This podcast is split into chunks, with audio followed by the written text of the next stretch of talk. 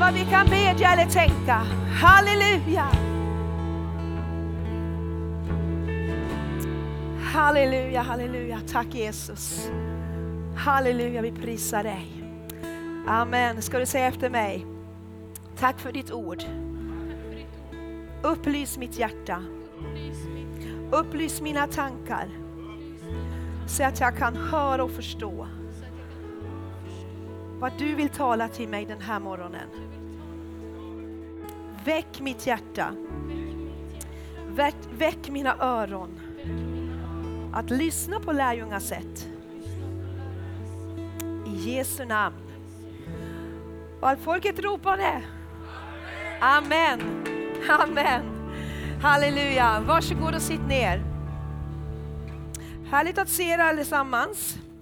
Vi ska fortsätta den här förmiddagen i det tema som vi har, Grow. Att växa tillsammans är dagens tema. Att växa tillsammans. Och eh, förra veckan så startade Thomas det här temat. Och eh, det här eh, som vi talar om har sitt ursprung i den här, eh, vad ska man säga, här står det vilka vi är i kyrkan. Välkommen till Svedjeholmskyrkan. Här står det talas om eh, vår teologi, vad vi tror på, men också vår kultur och mycket också praktiskt som vi ger till alla som kommer nya i kyrkan. Och den här undervisningen som vi undervisar nu finns är tagen därifrån. Eh, och förra eh, söndagen så talade Thomas om eh, vår kultur. Eh, och vi kan gå till nästa bild. Lite repetition. Eh, vår kultur är att vi vill vara en växande, välkomnande och en generös Kristuscentrerad kyrka för alla generationer och nationaliteter. Vi vill vara en kyrka öppen för alla människor, oberoende bakgrund och historia. Vi vill vara en växande, välkomnande och generös Kristuscentrerad kyrka för alla generationer och nationaliteter. Vi vill vara en kyrka öppen för alla människor, oberoende bakgrund och historia. Yes, vi kan gå till nästa bild. Vår målsättning är att ha en kultur där vi kan växa till på följande områden. Att växa i vår relation till Gud, eh, att växa i vår relation till varandra och att växa numerärt. Och att växa numerärt kommer Thomas att prata om nästa söndag. Eh, dagens tema är att växa i relation till varandra. Och det är faktiskt så att relationer är ett bygge. Relationer kan växa. Är inte det fantastiskt? Att en relation kan växa, en relation kan fördjupas. Och Gud är relationernas Gud och jag har sagt så många gånger förut, Gud är en Gud som vill ha gemenskap. Gud är en Gud av relationer. Guds rike byggs på relationer. Yes. Gud vill ha, vill ha relation med dig och mig personligen. Ja. Frälsningen gäller oss personligen, han talar till oss personligen. Men Gud vill också att vi ska fördjupa och bygga relationen gentemot varandra. Eh, och eh, om du går till ett fantastiskt kapitel i Romarbrevet 12 och från vers 9 så står det så här.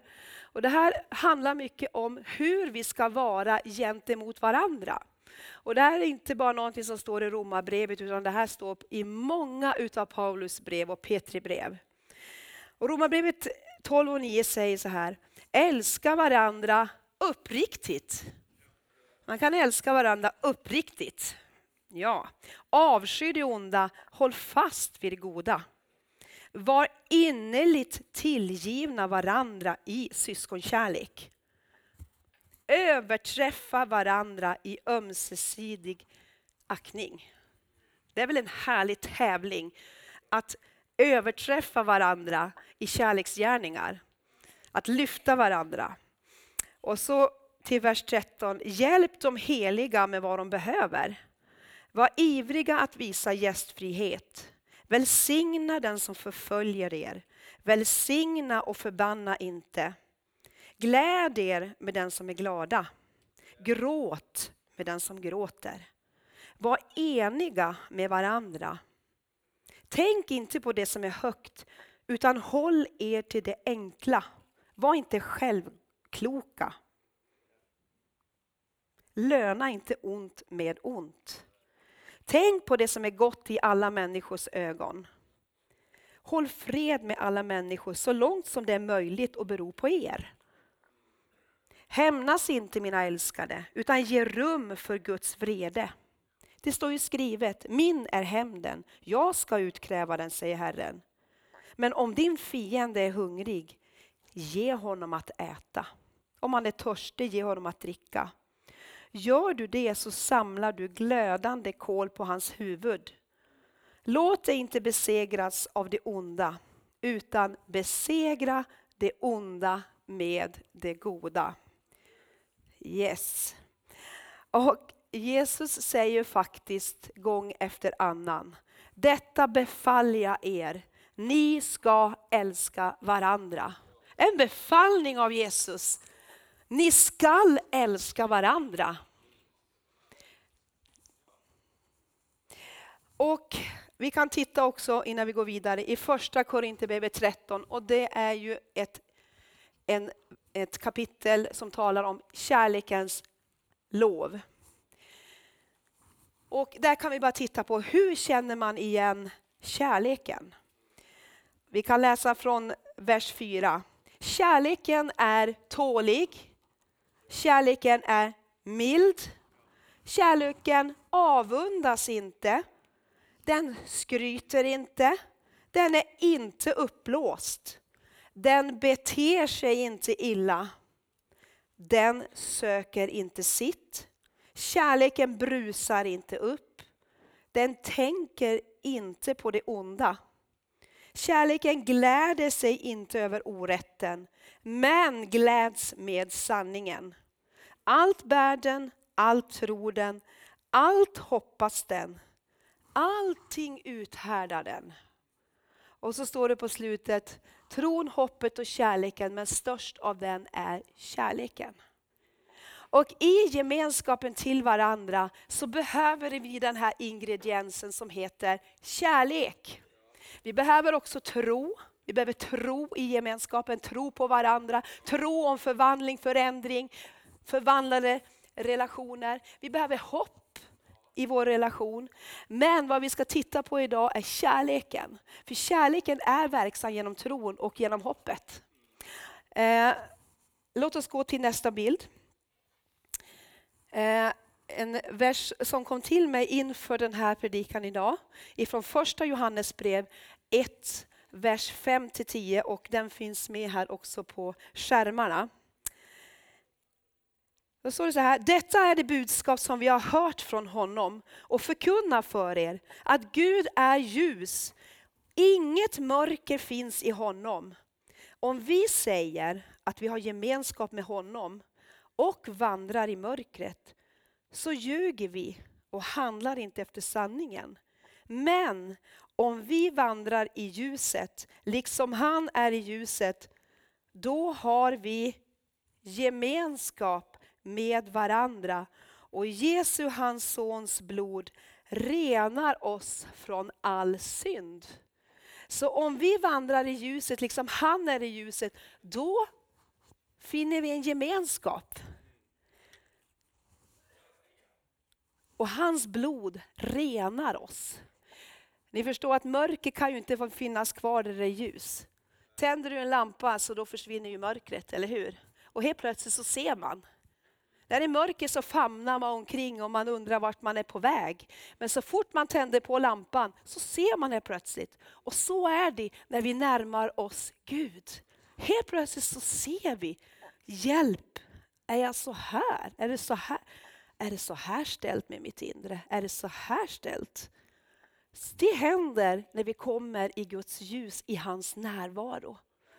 Ja, men då vill jag ju aldrig vara i Guds närvaro. Jo, men efter den här predikan så tror jag att du kommer att vilja gå in i Guds närvaro, in i ljuset. För det är där vi behöver leva, det är där vi behöver vara. Eh, och eh, jag fick en bild en gång av en predikant som predikar som jag har tagit med mig. Är det någon som vet vad det där är för något? Ja, ett cykelhjul. Ja. Och ett cykelhjul eh, det består av eh, en slang på insidan, ett däck, det är ekrar och längst in är ett nav. Och eh, den här eh, bilden kan tala till oss fastän det är vinter och vi inte kanske cyklar så där väldigt ofta. Men navet längst in vill jag ska symbolisera Gud, hans närvaro, mittpunkten utav, utav allt. Gud själv. Och ekrarna, det är Kristi kropp, det är vi troende. Och ni ser där hur ekrarna går in emot navet. Det eller går ut ifrån navet och går in till navet. Och när vi som ekrar kommer mot navet så möts vi. Och där i navet, där finns liksom där fungerar det. Där utifrån navet så, så finns liksom den här, eh, där utgår liksom eh, funktionen utav hjulet. Och eh, så här så tänker jag att vi behöver tänka när det gäller Gud och Guds rike och hur vi tillsammans eh, gör våra uppdrag. Det utgår ifrån mitten, ifrån Herren. Men vi har alla liksom olika, vi är ekrar och vi har alla olika uppgifter. Men vi utgår ifrån centrum, ifrån mitten. Eh, och där i mitten är så viktigt att vi möts. Därför att eh, om en eker liksom står rakt ut så, är den ju, så funkar den ju inte, eller hur? Utan det behöver allt behöver kopplas till navet för att varje ekra ska funka. Eh, och det är därför vi firar gudstjänst. Vi vill möta Gud. Vi vill tillsammans upphöja Jesus. Vi vill tillsammans söka hans ansikte. Vi vill tillsammans se Herren och låta han få förvandla oss. Eller hur? Ja. Eh, låt oss gå till en bibelord till. Första Johannesbrev 2, 9-11 och det är nästa bild. Den som säger sig vara i ljuset,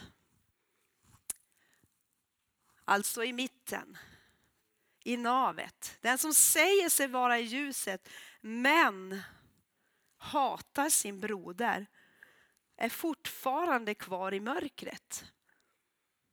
Den som älskar sin broder förblir i ljuset. Och det finns inget i honom som leder till fall.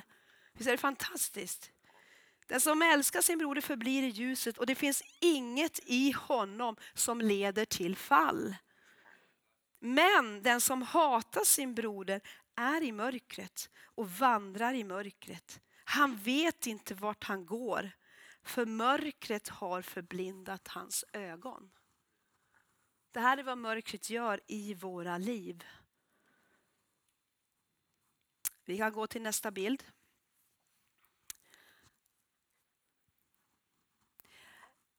Eh, när vi läser de här olika bibeltexterna, när Herren säger, jag befaller er, ni ska älska varandra. Det är ett starkt ord. Men vet ni vad, det här ordet, älska varandra, det är agapekärleken. Det är Guds kärlek. Amen. Och när vi blir frälsta, när vi tar emot Jesus i våra hjärtan så fyller han oss med agapekärleken. Och det finns många olika ord som grundtexten talar om när det gäller kärlek. Det finns eros, det finns eh, fileo, hur man nu säger det. Eh, olika slags kärlek. Men det som Herren säger här, det är att vi ska älska varandra med agapekärleken. Amen.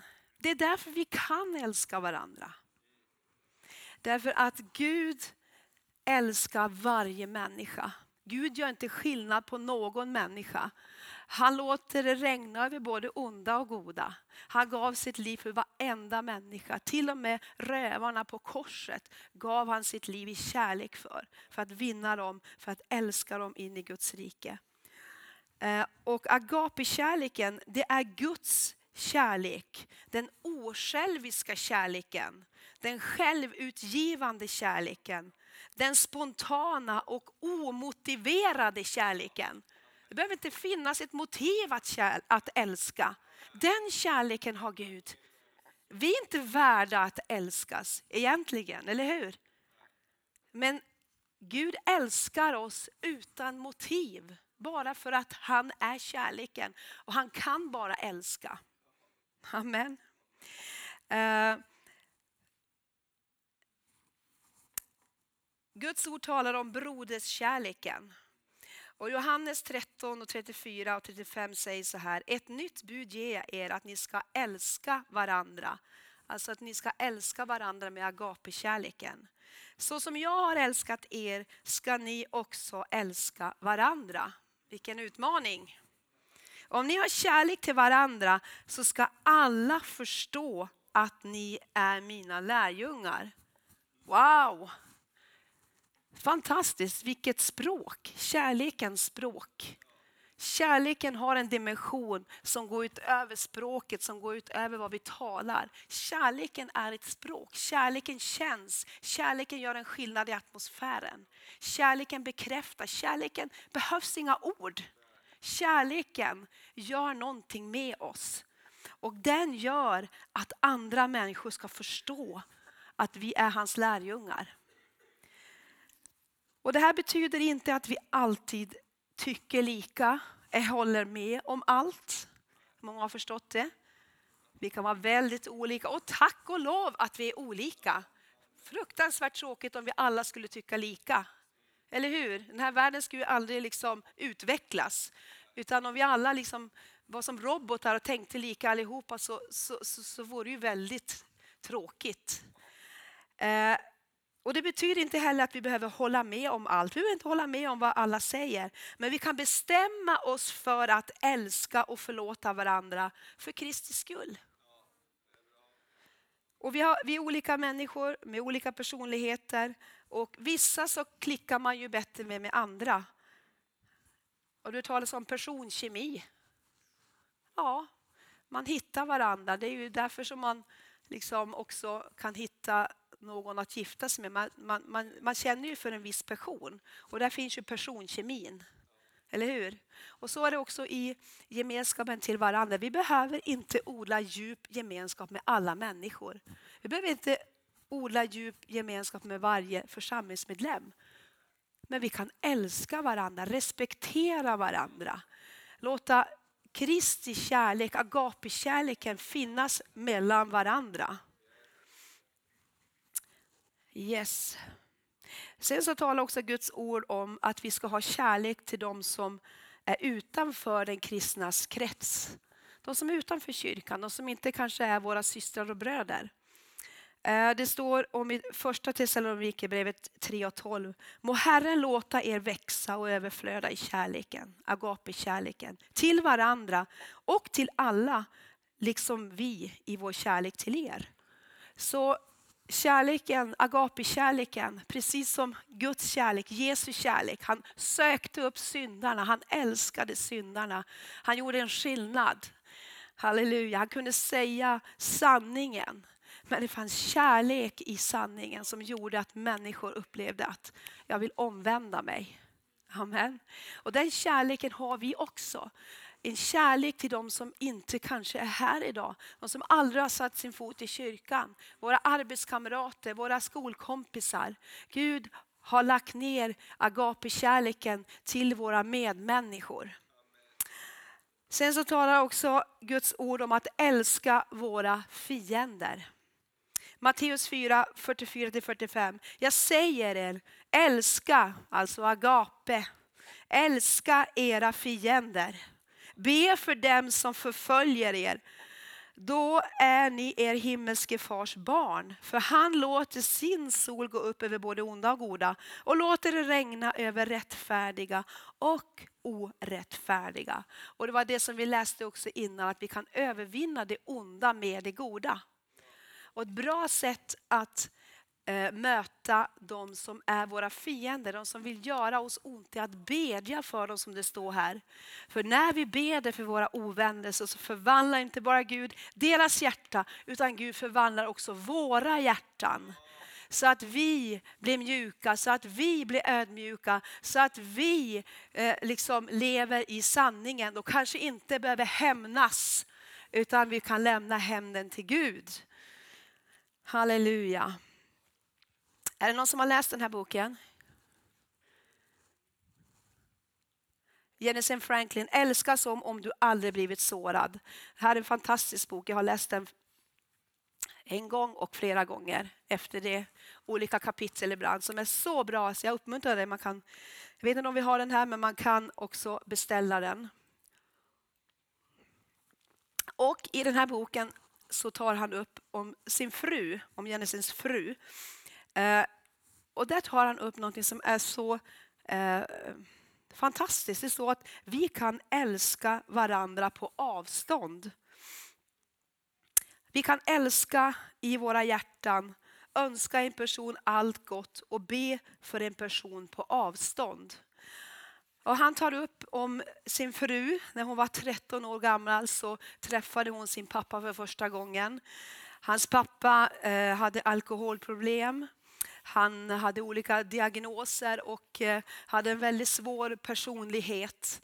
Och eh, eh, hans fru försökte bygga relation och när hon själv gifte sig och, eh, och liksom eh, fick familj och även hennes pappa tog emot Jesus så, så försökte hon att hela tiden få med honom i gemenskapen. Att hennes barn skulle få träffa honom, att de skulle bygga en djupare relation, att de skulle få en, en morfar och så vidare med mera.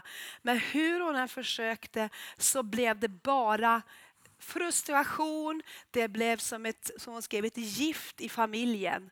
Därför att allting liksom bara blev negativt. Eh, och eh, hon märkte då att, hon, att den här pappan hade så dåligt inflytande på hennes barn, på hennes make och äktenskapet blev bara frustration. Eh, och utifrån det här så bestämde hon att jag behöver sätta upp gränser och älska på avstånd. Hon hade förlåtit honom, men det gick inte. Det blev bara fel. Och Jag tycker att det är ett så väldigt bra exempel. Så de bestämde att vi träffas då och då mellan de tiderna och liksom tog den tiden. Men det gick inte att odla en djupare relation. Och jag tänker att det är ett ganska bra exempel, för ibland kan det faktiskt vara så att vissa av våra relationer kan faktiskt vara destruktiva. Vi har ingenting emot egentligen, vi har förlåtit, men det är någonting som bara rivs upp, det är någonting som bara går sönder när man träffas. Så läs gärna den här boken, ett väldigt bra, väldigt, väldigt bra bok. Så, så vi kan också, eh, när det behövs, behöva älska på avstånd. Eh, amen. Vi ska alldeles strax sluta. Du har fått mycket bibelord idag men jag tror att det är viktigt att vi får läsa Guds ord och se vad Guds ord säger och Guds ord får utmana oss. Halleluja. Tack Jesus. Så Gud han vill låta oss komma in i ljuset. Eh, vi kan komma upp och spela här. Eh, När Gud verkar i oss så verkar han från insidan. För det är så, när vi har tagit emot Jesus så bor han på insidan och sen så ska han komma ut genom oss. Och Det här kan vara en utmaning många gånger. Därför att genom livet så blir vi sårade, vi blir slagna, Ibland så rår vi för det själv, men ibland så har vi inte ens rått, om, rått för det själv. Utan livet har format oss, livet har gjort oss, liksom att vi har med oss så mycket i bagaget. Och Herren vet om det här. Herren vet om det här. Eh, och det finns ett, ett härligt bibelord som jag tänkte vi bara ska läsa innan vi ska gå in i förbön. Ifrån, eh, vi kan ta nästa bild ett ord ifrån Jesaja kapitel 30 och 26. Månens ljus ska vara som solens. Och solens ljus ska vara sju gånger klarare. Som ett sjufaldigt dagsljus när en dag kommer då Herren förbinder sitt folks skador och hela såren efter slagen de fått. Amen. Här talar om ljuset, det talar om värmen, det talar om vattnet som du hörde förra söndagen. Vi behöver få Guds ljus i våra hjärtan, Guds ljus över våra liv. Vi behöver få möta värmen och vi behöver få vattnet, den helige Ande som ger liv och som vattnar det som är sått i våra hjärtan. Halleluja. Ska vi stå upp tillsammans? Tack Jesus, vi tar ta bara en liten stund innan vi ska avsluta. Som jag sa i början, vi kan växa i vår kärlek. Vi kan fördjupa våra relationer. Och relationer det är inte alltid det enklaste. Det vet vi, eller hur? Ibland kan det vara enklast att stänga in sig i ett rum och vara själv. Men hur roligt är det? Det är inte det som är tänkt för oss. Utan det är tänkt att vi ska vara tillsammans, för tillsammans är vi starka. Och vi alla har någonting att ge till varandra. Och vi alla behöver lära oss att ödmjuka oss under varandra och lära oss utav varandra. Det är så vi är danade. Det står att vi får i jorden. Vi är flockdjur om man säger så. Vi behöver stå tillsammans för att se Guds fullhet.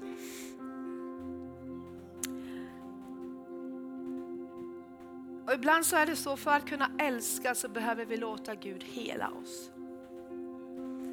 De som vi älskar allra mest, de kan vi också såra allra mest. Amen.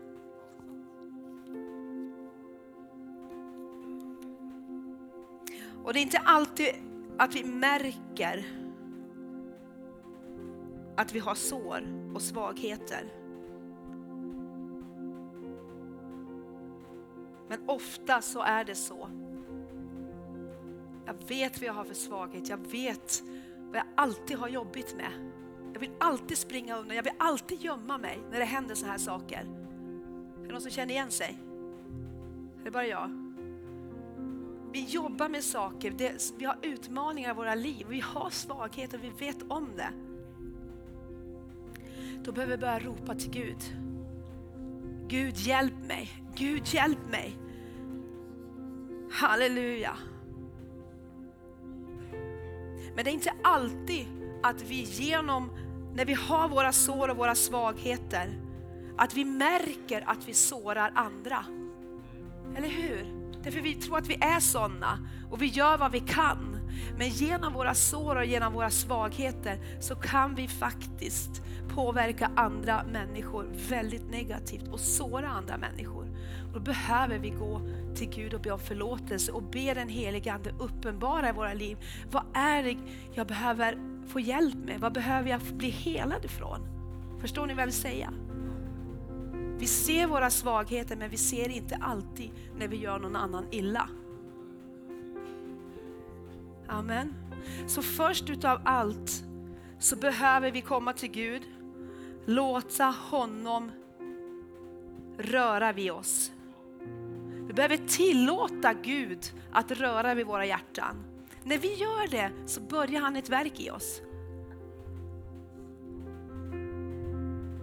Men innan vi kan tillåta honom göra det behöver vi erkänna att vi är sårade, att vi är nedbrutna.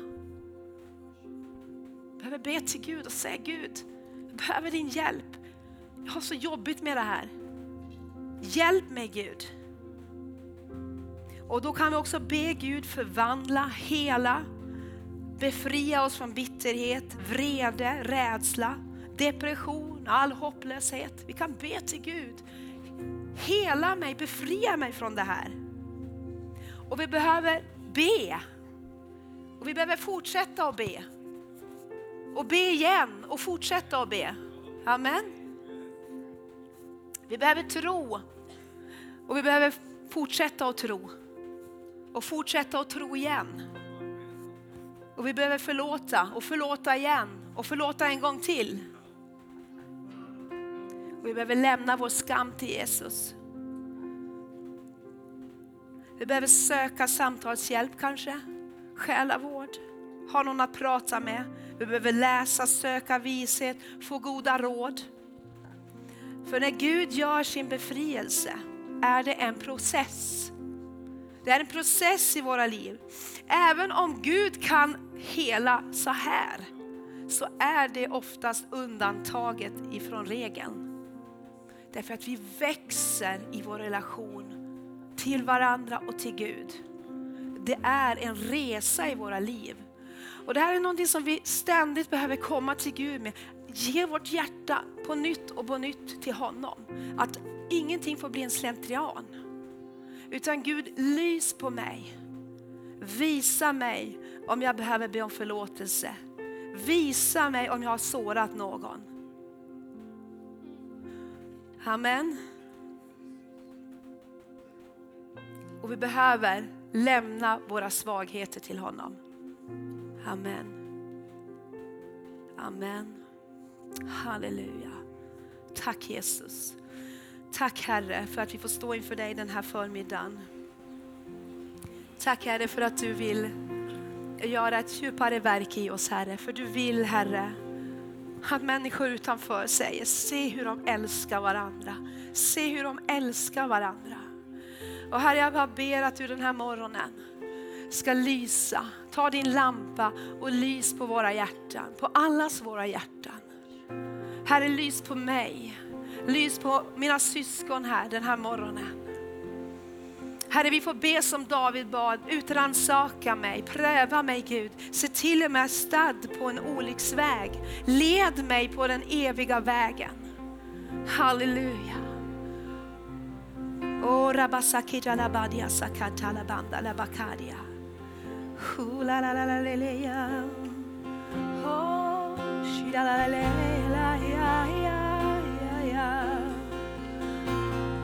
So la la la la la la la la la la la la sola la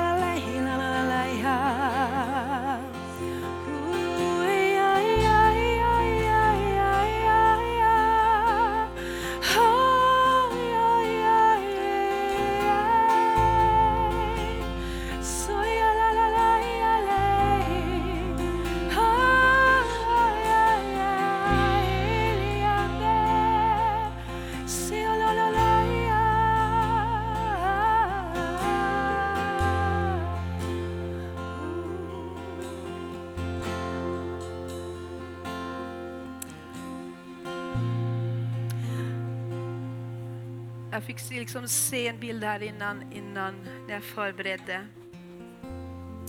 Hur någon eller kanske flera utav oss kan uppleva som att vi är nere i en källare. Någon som vet hur det är i en källare? Det kan vara ganska fint. Vi har, vi har renoverat vår källare och det ser riktigt fint ut på vissa ställen. Men du märker när du kommer ner i en källare, eller hur? Lite sådär ofta lite små fönster, lite mörkare, lite kyligare, lite sådär, äh, ja, källare, en källare. Och vi kan uppleva, och jag tror att det kan tala till någon av oss att det känns som att vi är nere i en källare. Men att Gud säger, börja gå upp för trappan. Börja ta ett första steg och gå upp ur källaren. Och det är en process. Det är en process att komma upp. Men Gud samarbetar med oss. Vi behöver inte tänka, men Herren kommer över mig, då blir det bra. När vi behöver låta Gud få göra ett verk i våra liv. Och när vi ber de här bönen så börjar vi öppna upp oss och, låt, och börja gå upp för den här trappan. Steg för steg. Och ljuset kommer, värmen kommer. Amen. Ge inte upp. Fortsätt, fortsätt, fortsätt. Lev ett liv i bön och en öppenhet. Att Gud ska få komma in och göra sitt verk. Därför han kan göra det som ingen människa kan göra. Det som inte vi kan göra, det kan han göra. Han vill en fördjupad kärlek, en fördjupad relation. Både till honom själv och till de som är runt omkring dig. Tack Jesus. Tack Jesus. Halleluja. Ta bara någon minut till och stå inför Herren och låt han bara få betjäna dig och låt honom bara få tala in. Det här är liksom inget snabbfix utan det här är liksom en process som Gud vill göra i våra liv och som Gud har gjort i våra liv. Men tro att han vill göra ett ännu djupare verk dag efter dag.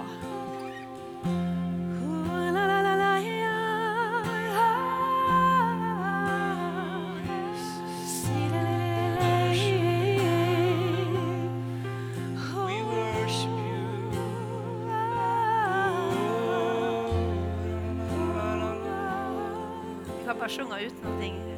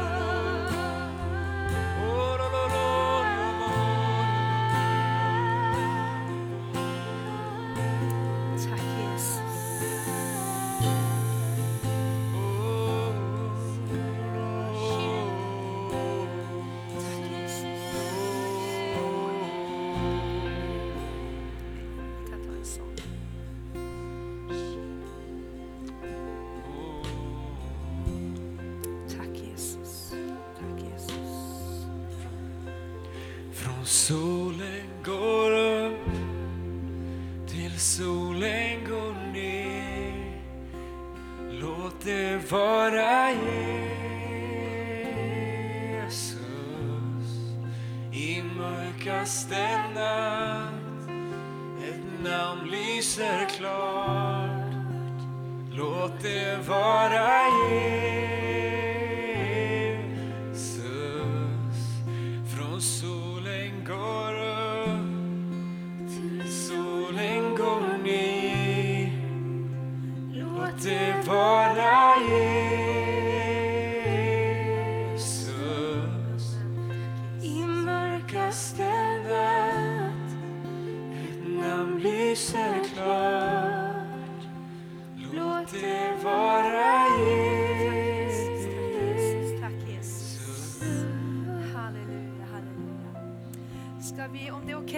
bara ta den som står bredvid dig. Får du bara symbolisera kärlekens band. Så tror att den helige Ande har talat till våra hjärtan. Så vi bara får bekänna ut. Du kan säga efter mig, tack Herre för ditt ord. För att du upplyser min själ. Herre, jag ber om bestående frukt i mitt liv. Hjälp mig att vandra i kärlek. Hjälp mig att vandra i sanning. Hjälp mig att akta den andre för mer än mig själv. Förlåt mig att jag går min egen väg att jag går i min egen styrka. Förlåt mig att jag sårar människor, att jag talar inte som jag borde. Förlåt mig om jag har sårat människor. Låt ditt ljus lysa på mig. Och låt mig få vara snabb att förlåta. Låt mig få vara en som stiftar frid. Där jag går fram. Din frid. Din frid. i min familj, till mina nära, mina kära, till de människor jag möter i vardagen. I Jesu namn. Amen. Ta och tryck till den som står bredvid dig lite mer i handen så här. Du är bra. Amen.